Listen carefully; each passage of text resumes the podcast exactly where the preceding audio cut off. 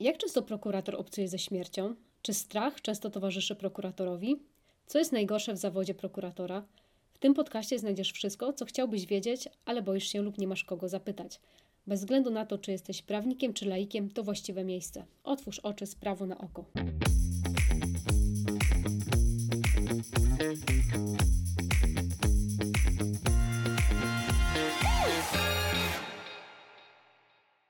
Cześć, nazywam się Monika Kozłowska, a moim dzisiejszym gościem jest Cyryl Sone, prokurator i autor serii kryminałów. Cyryl, jak to jest z chodzeniem do prosektorium? Często jako prokurator musisz się tam pojawiać? A wiedziałem, że chcesz o to spytać. w ogóle jak poznaję gdzieś jakąś nową osobę i już dochodzi do tego, że się sobie przedstawiamy czym się zajmujesz, mówię, jestem prokuratorem, to nagle osoba przez chwilę zamiera, boi się cokolwiek powiedzieć, bo nagle czuje, że jest obserwowana. Jeszcze mam taki wzrok, że naprawdę e, patrzę bardzo intensywnie i jak już ustąpi ta chwila niezręczności, to zazwyczaj pada pytanie, a czy widziałeś kiedyś trupa? Ja, no, widziałem. Chociaż nie mówię na to nigdy trup, bo to są jednak zwłoki ludzkie i wiem, że należy mieć szacunek do ciała, tak, ale to jest pewien element pracy, e, która wyróżnia ją spośród wszystkich innych. I to jest chyba coś, o czym ludzie najchętniej chcą słuchać, bo śmierć nas fascynuje od zawsze mimo że jest jednak w gruncie rzeczy czymś bardzo strasznym i smutnym. Wycieczki do prosektorium zdarzają mi się, myślę, z raz w miesiącu i one są poprzedzone wycieczką w inne miejsce, w miejscu ujawnienia ciała.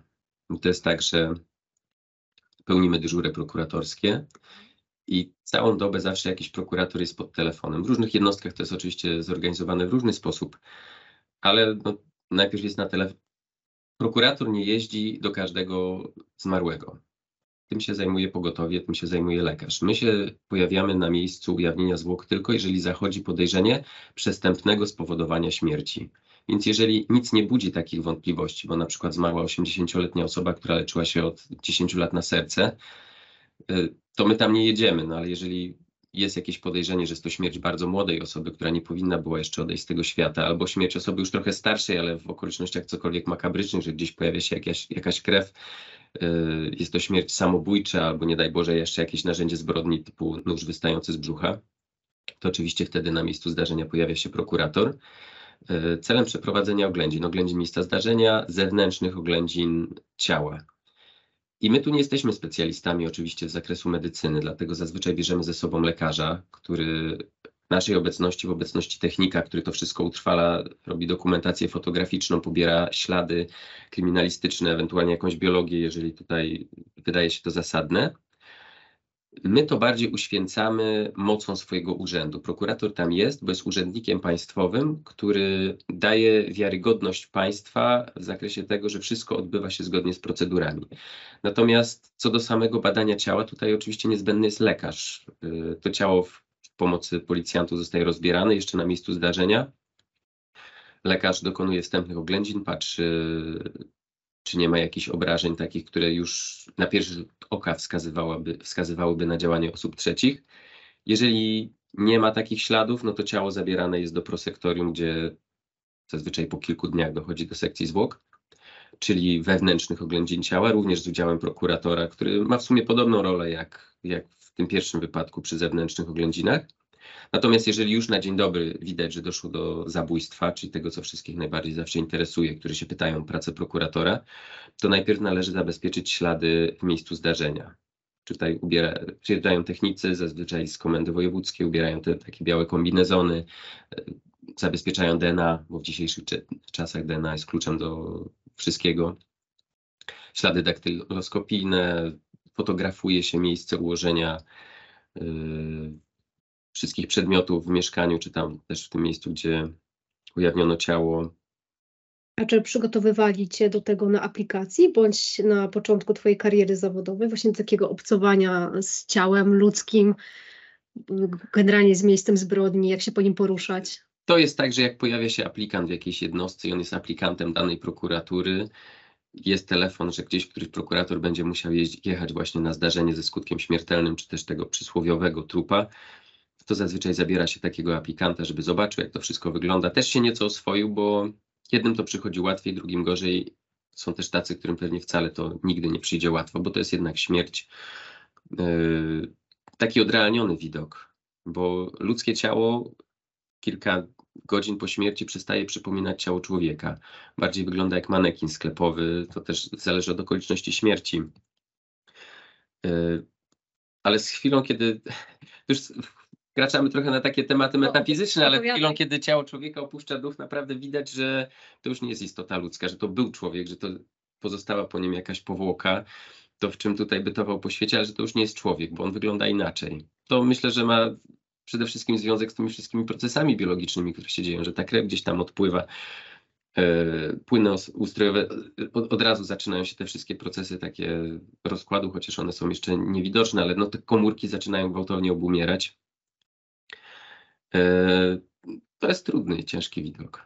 Czyli można powiedzieć, że książka jest trochę taką twoją terapią, oczyszczeniem się z tego, co przeżyłeś w trakcie tych dziewięciu lat bycia prokuratorem?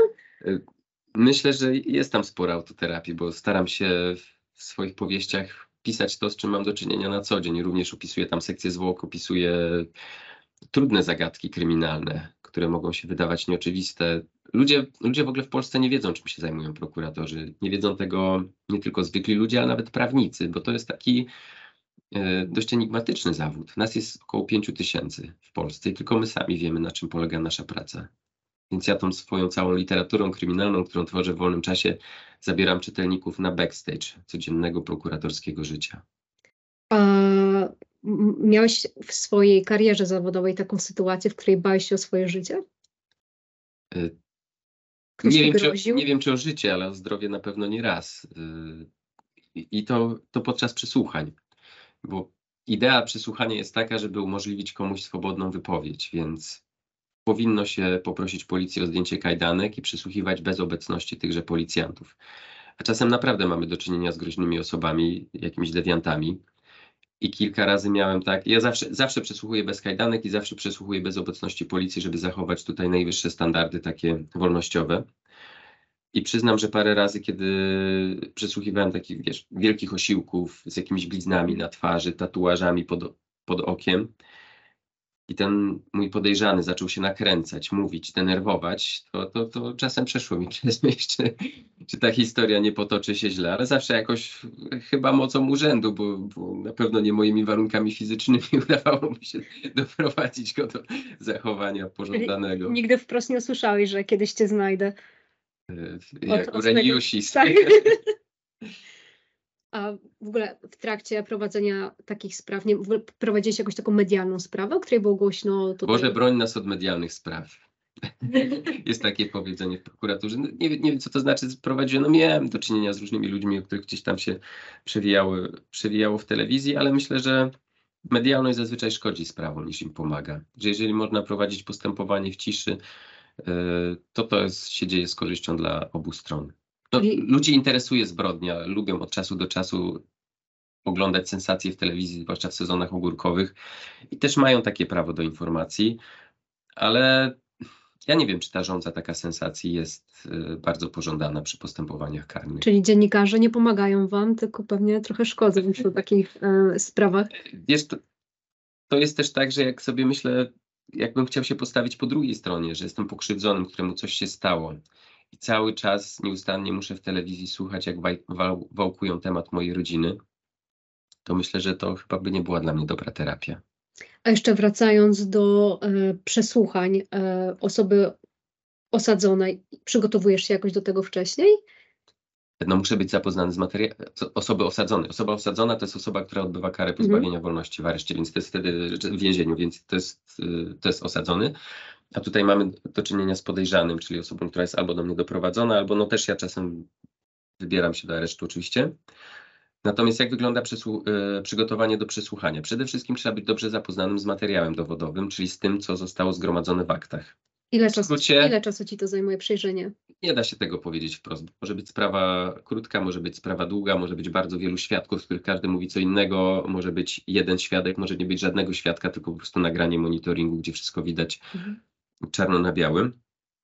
Natomiast przesłuchiwanie jest jedną z moich ulubionych czynności, choć ona jest czasochłonna i, i, i konsumuje jednak sporo tego, tych ośmiu godzin, które mamy przeznaczone na codzienną pracę Natomiast ja od zawsze miałem taki dar e, rozpoznawania, czy ktoś mi kituje, czy nie. Później na aplikacji prokuratorskiej zapisałem się na specjalne szkolenie metodą Quantico, czyli szkolenie FBI. Dwa tygodnie szkolenia pod okiem specjalistów właśnie z tej najlepszej na świecie szkoły. Czyli twój syn cię nigdy nie oszuka. Ja próbuję kitować. I musimy pamiętać o tym, że 70% przekazu to jest przekaz niewerbalny, czyli to, jak się zachowuje ciało. 30% to jest mowa. I oczywiście trudno zaprotokołować to, że ktoś nagle zaczął bardzo mocno ruszać nogą albo spoglądanie w ten punkt pokoju, przez który spoglądał cały czas. I, ale no jednak pomaga to w dotarciu do prawdy i w zbudowaniu takiego wewnętrznego przekonania, czy to jest słuszna droga, w którą drążymy. Bo oczywiście w głównej mierze liczy się to, co pojawi się w protokole, czyli słowa. Natomiast jeżeli mam jakieś wątpliwości, czy ktoś mi kłamie, a mam jeszcze za mało zgromadzonych dowodów, to wiem, że powinienem szukać ich dalej. A co jest najgorsze według Ciebie w byciu prokuratorem? Obcowanie z ludzkim cierpieniem. To jest naprawdę bardzo duży bagaż doświadczeń, który trzeba przetrawić, tak żeby samemu sobie nie zrobić krzywdy tej psychicznej. A jesteś już na takim etapie ścieżki zawodowej, że potrafisz wyjść z pracy i o niej nie myśleć? Wydaje mi się, że tak. 9 lat pracy na stanowisku prokuratora, e, ale oczywiście trzeba być jakimś psychopatą, żeby całkowicie uodpornić się na zło, więc oczywiście zdarzają się takie postępowania, o których myślę po nocach. I tak jak wspomniałem wcześniej, to są te dotyczące przemocy wobec kobiet, wobec dzieci, w tym przemocy seksualnej. To są naprawdę straszne sprawy. E, wspominałeś, że e, Twoja praca to jest 8 godzin e, dziennie. Faktycznie to tak wygląda? Faktycznie w 8 godzin da się pojechać na miejsce zbrodni, przesłuchać osobę podejrzaną i jeszcze przeczytać akta? Czasem się da, czasem się nie da. To oczywiście w ustawie jest zapisane, że mamy zadaniowy czas pracy, więc teoretycznie to mogłoby być 4 godziny dziennie, ale chciałbym zacząć prokuratora, który w ciągu 4 godzin jest w stanie wyrobić się ze swoją pracą. My musimy po prostu zrobić robotę, mówiąc wprost. Czyli wykonać wszystkie te zadania, do których zostaliśmy posłani, bo bycie prokuratorem to jest przede wszystkim służba. Yy, jeżeli mamy dyżury zdarzeniowe, to zdarza się i nie wracać do domu przez no, kilkanaście godzin po, po tej pracy, bo miałem kiedyś coś, co nazwałem sobie w głowie nocą trupów, że skończyłem pracę, wiadomo, tam 15.30, 16. Wróciłem do domu, miałem chwilę dla siebie, z żoną zaczęliśmy oglądać serial. O 11, już o 11 kładłem się do łóżka, zadzwonił telefon od dyżurnego policji. Dzień dobry, panie prokuratorze, czy pan ma dzisiaj dyżur? Mówię, no mam no mamy takie zdarzenie i pojechałem i ja skończyłem oglądać serial kryminalny, a później znowu byłem w kryminale, bo jecha, to był listopad, jechałem przez y, deszczowe miasto. Y, I najpierw było jedno zdarzenie dość tragiczne ze skutkiem śmiertelnym, później było drugie zdarzenie. I chyba o czwartej nad ranem, kiedy już wracałem do domu, był kolejny telefon, pan nie uwierzy. I to, to faktycznie chyba tak sobie wtedy to nazwałem nocą trupów, bo no, człowiek po nieprzespanej nocy i po całym przepracowanym dniu, następnego dnia rano musi po prostu stawić się do pracy i wykonać to, co miał zaplanowane na dany dzień. To trochę brzmi jak tytuł na kolejny kryminał twój. Kolejna część Noc trupu? E, kolejna część, e, kolejne części, które teraz się ukazują, to nigdy już nie uciekniesz i wszystko, co widziałeś. Ale Noc trupów też byłaby niezła, chociaż może bardziej pasuje na horror. Super. A mógłbyś zdradzić, jaka jest najtrudniejsza sprawa, którą do tej pory prowadziłeś? Najtrudniejsze sprawy. Nie, ja bym nie chciał tworzyć tutaj jakiegoś takiego katalogu czy podium mhm. najtrudniejszych postępowań. Bo najtrudniejsze sprawy to są zawsze te, w których nie wiem, co mam zrobić. Że... Kogo wtedy pytasz? O poradę? No, o, oczywiście konsultuję się z kolegami i z koleżankami, ale ostatecznie każdy prokurator w tej decyzji gdzieś na finale tej ścieżki pozostaje sam. I najgorsze są takie sprawy, kiedy mimo wykonania wszystkich czynności, które dało się wykonać, dochodzimy do ściany i cały czas mamy wątpliwości, że wiemy, że tam się coś chyba musiało wydarzyć, że tam na pewno się coś wydarzyło, ale my tych dowodów mamy za mało. I te sprawy to są sprawy, o których się mówi za dużo na umorzenie, za mało na akt oskarżenia. I tutaj nie ma oczywiście jednej prostej recepty, co wtedy należy zrobić. Yy, I to są zawsze te najtrudniejsze postępowania. A jeszcze wracając do e, Twojej pracy na miejscu zbrodni, e, czy Ty w, jesteś tam szefem? Jest tam dużo osób, tak jak wspominałeś, jest policja, są technicy kryminalni, jesteś Ty, jest pogotowie. Kto, no, kto nimi wszystkimi zawiaduje? No to de facto sprowadza się do roli szefa, chociaż wynika to tylko z takiego prostego przepisu, który mówi, że w postępowaniu przygotowawczym policja musi wykonywać polecenia prokuratora. Chociaż ja oczywiście nie jestem bezpośrednim przełożonym służbowym policjantów. Natomiast pamiętam jak dziś taką sytuację, jak jechałem do pożaru dużego osiedla mieszkaniowego. To też oczywiście była noc. Zaparkowałem swoim samochodem, podchodzę e, do jednego z policjantów, tam wszystko jest otoczone policyjną taśmą mówi, pan nie przejdzie. Wyciąga wtedy legitymację prokurator. Prowadzą mnie do sztabu kryzysowego, bo zebrał się sztab kryzysowy. To osiedle dalej płonie, tam są jeszcze widoczne języki ognia. Mimo tego, że chyba tam siąpił le lekki deszcz, sytuacja jak z horroru albo dobrego thrillera i mamy jakiegoś szefa, szefa straży pożarnej, szefa policji, tam głównego komendanta y, z miasta, nie wiem, starostę, czy, czy, czy ktoś tam przyjechał, oni wszyscy tworzą wianuszek wokół mnie, patrzą się i mówią, panie prokuratorze, i to robimy. I wtedy poczułem się faktycznie jak szef, ale co, co miałem odpowiedzieć? Jest pożar. Mówię, no gasimy, gasimy przede wszystkim. Czy to nie była moja rola? No prokurator musi zabezpieczyć te ślady. W wypadku pożarów oczywiście y, dopiero w tym momencie, kiedy wszystko już jest bezpieczne, kiedy pożar zostanie ugaszony i wiemy, że nikomu z policjantów, z techników, którzy wejdą na to miejsce zdarzenia, nie stanie się krzywda. E, przy naszej poprzedniej rozmowie zachwalałeś zawód prokuratora, aplikację zachwalałeś. Chciałbyś, żeby twoje dziecko poszło w twoje ślady? Mój syn ostatnio marzy o tym, żeby zostać tancerzem i to też wydaje mi się ciekawa ścieżka zawodowa. Czyli nie, nie, chciałbyś, żeby gdzieś tam. Nie, ja chciałbym, żeby mój syn był przede wszystkim szczęśliwy. Niczego nie zamierzam mu tutaj narzucać. Jeżeli będzie chciał być prokuratorem, to oczywiście pomogę mu swoim doświadczeniem i wiedzą, ale myślę, że do tego jeszcze minie trochę czasu, bo on ma pięć latek dopiero. A, wszystko przed tobą. Czas szybko leci. Przed nim chyba. A słuchaj, jak przy takim trudnym zawodzie zachować słynny work-life balance? Y, da się? mi się to jakoś udaje, chociaż nie zawsze jest łatwo.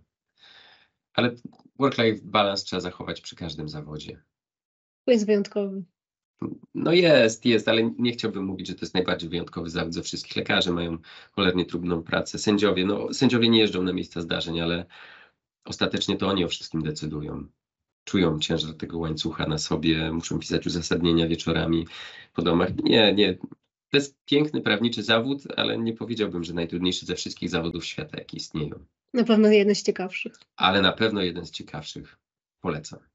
Powinniśmy nazywać tę audycję 5 minut z prokuratorem. I to jest genialny pomysł. Albo 5 minut z twoim ulubionym prokuratorem, którego nigdy nie chciałbyś spotkać w swoim życiu. Ale się na mnie popatrzałeś.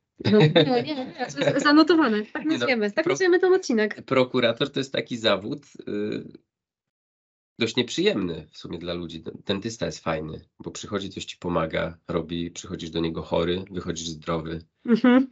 Chociaż no tak. w międzyczasie wycierpisz, to twoje. Wycierpisz, to twoje, ale nikomu nie życzę spotkania z prokuratorem po żadnej ze stron. Dlaczego? No bo albo jesteś podejrzanym, to znaczy, że coś przeskrobałaś i co gorsza dałaś się złapać, czyli kiepsko przeskrobałaś. Albo w twoim życiu wydarzyła się jakaś krzywda i ktoś inny coś ci przeskrobał i ty musisz teraz się z tym wszystkim Słuchaj, porać. Ale ja siedzę z tobą i tak mi się przyjemnie z tobą rozmawia, że no nie wiem, czy podzielam twoją Bardzo mi miło, ale też e, ty mnie zaprosiłeś do siebie, a nie ja do ciebie do swojego no gabinetu. tak, tak, tak. Może to jest ta subtelna różnica w tym przypadku. No, no, prokurator zajmuje się tylko prawem karnym, a prawo karne to jest margines prawa. Najchętniej taki margines, który mógłby w ogóle się nigdy nie pojawiać w historii człowieka. Gdyby świat był idealny, nie byłoby prawa karnego, nie byłoby prokuratorów, nie byłoby sądów. No tylko, że świat nie jest idealny, a ludzie lubią robić różne złe rzeczy. I tu się spotykamy. No tak, a słuchaj, jak wygląda taki twój przeciętny dzień w pracy? Przeciętny dzień czy tydzień? A tydzień. Idźmy, idźmy z rozmachem. Tak, raczej, raczej się planuje tygodniami, bo prokurator gdzieś dwa, trzy razy w tygodniu musi być w sądzie. Zazwyczaj z kilkudniowym wyprzedzeniem wie o tym, którego dnia pójdzie do sądu i jakoś sobie może to wpisać w kalendarz, żeby też zaplanować jakieś inne czynności, kiedy ma wysłanych świadków. Przychodzę rano do pracy i idę na półkę. Półka to jest y, moje miejsce w sekretariacie, gdzie sekretariat wrzuca mi wszystkie nowe sprawy albo jakieś dokumenty, które wpływają y, już do spraw, które zostały zarejestrowane, które mam na biegu. Więc jeżeli jest, jest takie powiedzenie, że o, dawno nie byłeś na półce, to znaczy, że ci się tam Mhm. wysypuje i nie zaglądałeś. Więc najlepiej rano pójść na swoją półkę i zobaczyć, co oto przyniósł nowy dzień, czym obrodził. I mamy często tam jakieś, jakąś nieistotną korespondencję, na przykład zwrotki, chociaż teraz zwrotek jest mniej już przy tych elektronicznych doręczeniach. Kartki z więzienia E, też dostajesz? Tak, musimy cenzurować listy swoich, osad- swoich y, tymczasowo aresztowanych. To są piękne wiadomości. Tam są w ogóle jacyś pisarze więzienni, którzy przepisują te wiadomości, robią rysunki, króliczki, kwiatki. W ogóle w areszcie wszyscy doznają takich nagłych, y, nagłego przebudzenia miłości do tych osób, które zostały po drugiej stronie krat. Czy te listy też cię inspirowały w książce? Ja mam własną szczęśliwą miłość. Myślę, że ona jest dość inspirująca. Natomiast tak, zaczynamy dzień od y, wycieczki na półkę. Przynosimy albo nowe sprawy, albo nowe dokumenty. Te nowe dokumenty musimy czasem wysłać. No, trudno powiedzieć, co z nimi robimy, albo po prostu wsadzić za okładkę, wysłać na policję, żeby policja coś zrobiła razem z wytycznymi. Zaglądamy do nowych spraw, co tam trzeba, czego one dotyczą, jakichś czynów. Yy, I zabieramy się za to wszystko, co zostało nam zaplanowane na dany dzień, to znaczy, co sobie sami zaplanowaliśmy, bo prokuratorzy w dużej mierze są, są panami własnego czasu. I y, praca prokuratora to jest głównie praca na aktach, czyli na tych dokumentach. Czytamy akta, patrzymy, co należy zrobić w danym postępowaniu i wysyłamy wytyczne na policję, czyli taki list, do którego dołączone są akta albo Mhm. czasem sam, sam taki dokument. W związku z nadzorowanym postępowaniem takim i takim, proszę wykonać następujące czynności takie i takie. Ustalić osobę, która, przysłuchać osobę, która, zabezpieczyć monitoring, który.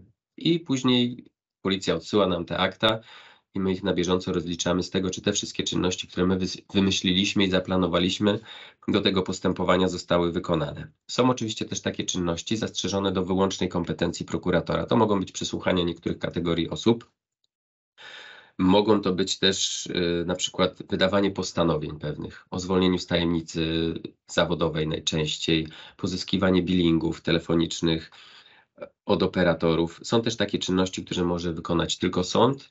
To jest przysłuchiwanie pokrzywdzonych w przestępstwach seksualnych albo przesłuchiwanie nieletnich świadków. Tutaj wtedy prokurator kieruje specjalny wniosek, musi też uczestniczyć oczywiście w takim, w takim posiedzeniu. No i wycieczki do sądów, czyli uczestniczenie w wokandach. My mamy swoje dni wokandowe, dostajemy, wokanda to jest, pewnie nie wszyscy wiedzą, wykaz spraw, które dany sędzia danego dnia musi rozpoznać. I w praktyce wygląda to tak, że kopia wokandy jest przesyłana do prokuratury, y, ona przez szefa danej jednostki zostaje zadekretowana na danego prokuratora i ten z aktami podręcznymi idzie do sądu na te postępowania, na które nie musi i patrzy, co się tam wydarzyło, uczestniczy e, w rozprawie lub w posiedzeniu, bierze albo aktywny udział, albo jeżeli w ogóle nie pójdzie do sądu tego dnia, no to tylko patrzy, jaki był wynik postępowania, ocenia ewentualny wyrok, który tam zapadł, przedstawia go później swojemu szefowi. A zdarzyło ci się kiedyś, że musieliście wypuścić podejrzanego, bo na przykład policja nie dopilnowała jakichś e, obowiązków, które były po ich stronie? Nie, w moim postępowaniu się tak nie zdarzyło, bo ja bardzo pilnuję tego, co I robię. patrzysz na ręce, do Tak, tak. Zaufanie jest dobre, ale kontrola jeszcze lepsza. No tak, to już w sumie odpowiedziałem na to pytanie.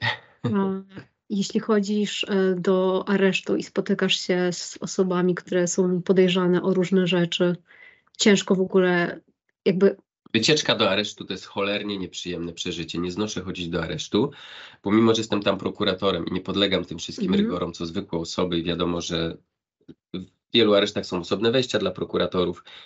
Y, Jestem tam jednak urzędnikiem państwowym, który decyduje o losie tego tymczasowo aresztowanego. No to jednak muszę przejść przez system krat, który jest w tym więzieniu i w pewnym momencie skończyć w pokoju, zamknięty, w oczekiwaniu, aż zostanie mi doprowadzony ten mój tymczasowo aresztowany, czy też ta osoba, z którą, którą chciałbym przesłuchać. I ilekroć jestem w areszcie, nie zdarza mi się to bardzo często, może raz na miesiąc, może trochę rzadziej, to odczuwam taki irracjonalny lęk, że ja już stąd nie wyjdę.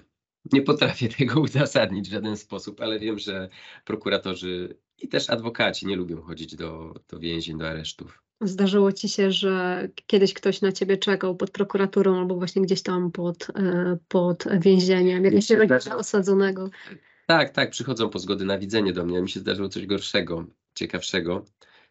I i to też są takie wypadki, które się pojawiają w pracy prokuratora, że skończyłem przesłuchanie z tym tymczasowo aresztowanym.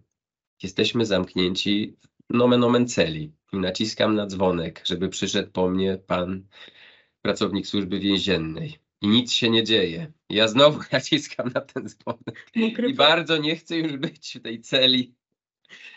I wtedy człowiek łapie lekkie uczucie klaustrofobii. Ale zachowałeś taki poker face? Czy było widać po tobie, że to jest taka No, stresująca sytuacja? Staram się zachować. Te sytuacje zawsze rodzą pewien dyskomfort.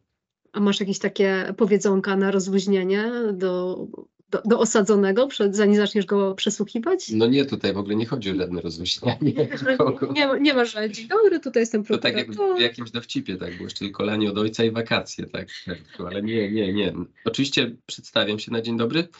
Staram się być grzeczny i kulturalny w stosunku do każdego, tak y, kogoś, kto stał się podejrzanym, jak i, jak i ktoś pokrzywdzonym lub tylko świadkiem.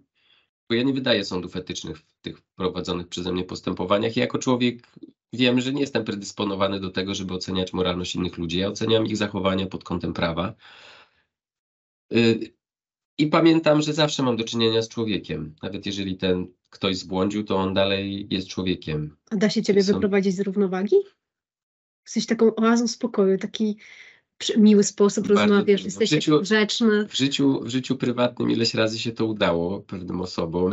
Moja żona później patrzała, może ciebie, jak ktoś ciebie już wkurzył, to naprawdę musiał zaleźć za skórę. Natomiast w pracy zawodowej zawsze staram się być taki opanowany. Więc przesłuchanie czy każda czynność zaczyna oczywiście się od tego w moim wypadku, że się przedstawiam. Mówię, że nazywam się tak i tak, jestem prokuratorem tej jednostki, albo że prowadzę pańs pańskie postępowanie, albo że w tym postępowaniu wykonuję tylko jakąś czynność i mówię, czego czynność ta będzie dotyczyła. No i później nast- o, mam jedną formułkę. Czasem zdarza mi się powiedzieć, ja się przedstawiłem, to teraz czas na pana, panią. Działa?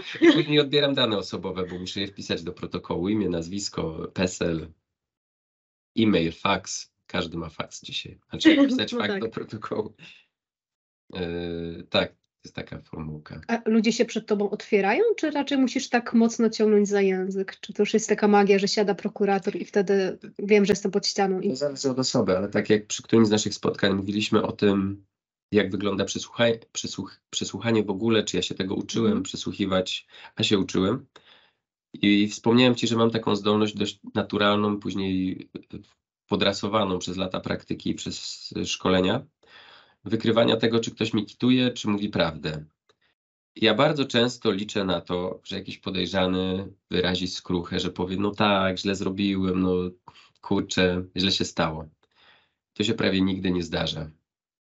I, i mam czasem taki niesmak, myślę, no no, Kłamie mam, mam monitoring, a ty mi tak tu kłamiesz. No, 10 osób zeznało, że cię widziała, ty mi kłamiesz, że, że, że cię tam nie było. Jeszcze twój telefon się łączył z najbliższym przekaźnikiem. I czasem mam gdzieś taki niesmak, ach, Ale mówisz im wtedy to prosto w twarz, że no, proszę pana, już mam takie dowody przeciwko panu, że to, co pan Czasem mówi, tak, czasem nie, to zależy od taktyki, jaką, Mhm. jaką sobie przyjmę, bo oczywiście przyznanie się jest koroną dowodów. Oczywiście nieprawda, stare przysłowie, ale przyznanie się zazwyczaj pomaga w e, ustaleniu stanu faktycznego. Natomiast nie, no to, to, to co mam w dokumentach, to mam w dokumentach i A często się wystarcza. zdarza, że po tej drugiej stronie siedzi jakaś bardzo młoda osoba? Nieletnia? Y, Nie, nie, nie przysłuchujemy osób nieletnich. Przysłuchujemy osoby, które ukończyły 17 rok życia. Od, od tego momentu ktoś jest dorosłym w rozumieniu prawa karnego. Natomiast młodsze osoby są przesłuchiwane przez sąd rodzinny. A takich siedemnastolatków dużo macie? Nie, raczej są to tro- trochę starsze osoby. Dwudziestolatków. 17 to jest taki wiek, że dopiero zaczyna się eksperymentować z występkami. Później przychodzi czas na zbrodnie. A naj, najstarsza osoba przesłuchiwana przez ciebie? O, już tak nie pamiętam wieku, ale były takie osoby, że, y, że miał na przykład trudności z poruszaniem się z racji na wiek. I to był na przykład sprawca przemocy domowej. I, I człowiek się tak zastanawiał, jak w tego takiego wątłego dziadka wchodzi energia po alkoholu, że jest w stanie wyrządzić krzywdę całej swojej rodzinie, a jednak jest w stanie. A czy tacy y, oprawcy właśnie przemocy domowej jakąś skruchę wyrażają w trakcie takich przesłuchań, czy dalej uważają, że nic Chyba nie ani razu nie usłyszałem takiego szczerego wyznania win. To jest taka skrucha alkoholika, bym powiedział, że mówi, że rozumie, że źle zrobił to jest pierwsze zdanie, jakie rzucę, że, że się przyznaje oczywiście do winy, że on rozumie, że źle zrobił, a potem następuje rozwinięcie wypowiedzi i tę całą długą wypowiedzią przeczy temu, co powiedział na samym początku, że to właściwie jest nie jego wina, że ona zaczęła, że on musiał tak zrobić, że on ją musiał uderzyć, że to jest przykre, ale no ja rozumiem, że alkoholizm jest pewną chorobą, a ta przemoc w rodzinie, przemoc fizyczna, przemoc psychiczna najczęściej właśnie pojawia się w takich środowiskach, gdzie występuje też alkohol i jest on nadużywany. Czy powiesz, że weźmiesz jakąś sprawę, bo jest na przykład bardzo brutalna i nie chcesz, żeby trafiła właśnie na którąś koleżankę z pracy? Nie przypominam sobie takiej sytuacji, natomiast wiem, że przy śmierci noworodków czy przy zabójstwach noworodków mieliśmy takie sytuacje, że osoby z dziećmi e, czasem prosiły, żeby ktoś inny przejął tę sprawę, bo na przykład nie chcą jechać na sekcję zwłok noworodka. Ja to rozumiem doskonale. Bardzo miłe. Nie sądziłam, że, że taką fajną relację można mieć w pracy i przy, przy, ja- przy tak trudnym. Moje jednostki to jest naprawdę wspaniała atmosfera. Każdemu polecam taką jednostkę jak moja, której tu oczywiście nie zdradzę. Nie, nie, nie, nie nawet. Tak, ale jak, jak czasem w Google e, wpisuję Cyril Sony, to widzę, jakie rzeczy ludzi interesują. Najwięcej to oczywiście ile zarabiam, a to nie jest żadna tajemnica, bo zarobki prokuratora są regulowane ustawą. I to też pewnie bardzo ciekawi słuchaczy. Taki przeciętny prokurator zarabia około 10 tysięcy złotych na rękę. I te zarobki mają oczywiście głównie związek z wysługą lat, ze stażem pracy. Czyli Jak ktoś jest asesorem, zarabia 80% pierwszej pensji prokuratorskiej, później z wiekiem dostaje dodatek 1% za każdy przepracowany rok i co 4 lata może awansować w nową stawkę, tak zwaną grupę. Tam jest chyba 400 zł więcej, więc to nie jest żadna tajemnica. Czy jest jakiś wszystko... limit? Tak, tak, jest limit do, do 20% tych, jeśli chodzi o staż pracy. Yy, Więc te zarobki nie są żadną tajemnicą, a one bardzo jakoś interesują ludzi. Czyli twoja jednostka, w której pracujesz, ma pięć gwiazdek na Google na pewno. Od, jeśli, jeśli prokuratorzy mieli, nie spotkałem jeszcze nikogo, kto by powiedział, że tam się źle pracowało, bo naprawdę tworzymy fajny, zgrany zespół. Natomiast jeśli chodzi o naszych klientów, petentów, no to nie, no myślę, że im się tam nie podoba. Tak jak już wspominałem, nikt nie chciałby mieć do czynienia z prokuratorem. A masz jakąś swobodę zmiany miejsca, w którym chciałbyś pracować? Jeśli chciałbyś się wyprowadzić na drugi koniec Polski, był, byłby to jakiś problem, żeby znaleźć pracę? Tak, to byłby problem, bo musiałbym składać oficjalnie wnioski o przeniesienie i przy drugim końcu Polski rzecz jest o tyle skomplikowana, że tu już wchodzi w zakres kilka regionów. Prokuratury są e, podzielone na prokuratury rejonowe, okręgowe i regionalne obecnie. Prokuratury regionalne odpowiadają mniej więcej jednemu do dwóch województw. Więc w obrębie jeszcze danej prokuratury okręgowej, czyli dawne, dawnych województw, to jest w miarę możliwe i, i do przeskoczenia, też jeśli jest ktoś, kto chciałby się podmienić. Jeżeli ja opuszczam daną jednostkę i tam po prostu pojawi się wakat, to mój szef nie będzie chciał mnie puścić, będzie miał za mało ludzi do roboty. Ale jeżeli znajdę kogoś na podmiankę, to, to da się to zrobić, chociaż nie jest to bardzo łatwe. A czy z adwokatami i e, no ogólnie z innymi zawodami e, dobrze żyjecie? Czy Tak, y, ja żyję bardzo dobrze i z adwokatami, i z sędziami, bo staramy się wszyscy chyba pamiętać, że my jesteśmy przede wszystkim prawnikami, że ukończyliśmy te same studia i to, że wybraliśmy później troszkę inne ścieżki kariery, nie zmienia tego faktu, że gdzieś tam ten nasz trzon to jest bycie prawnikiem, czyli kogoś, kimś, kto rozumie, czym jest prawo, że to jest troszkę coś więcej niż tylko ustawy. Y, I że to jest nasza służba, ale też praca. Staramy się być mili dla siebie. Czyli po wyjściu z sali rozpraw możesz wejść z tym adwokatem strony przeciwnej na kawę i normalnie pogadać. Tak, ja mam dużo przyjaciół adwokatów, przyjaciółek. Bardzo Ci dziękuję za kolejną rozmowę. Ja również. Nie wiem, czy jeszcze ten zawód ma dla nas jakieś tajemnice po tym, co nam opowiedział. Zawód składa się wyłącznie z tajemnic. Dziękujemy za dziś. Zapraszamy do odsłuchania wcześniejszych odcinków Prawo na oko. A już za moment nowy odcinek podcastu i nowi ciekawi goście. Zostańcie z nami. Słyszymy się niebawem.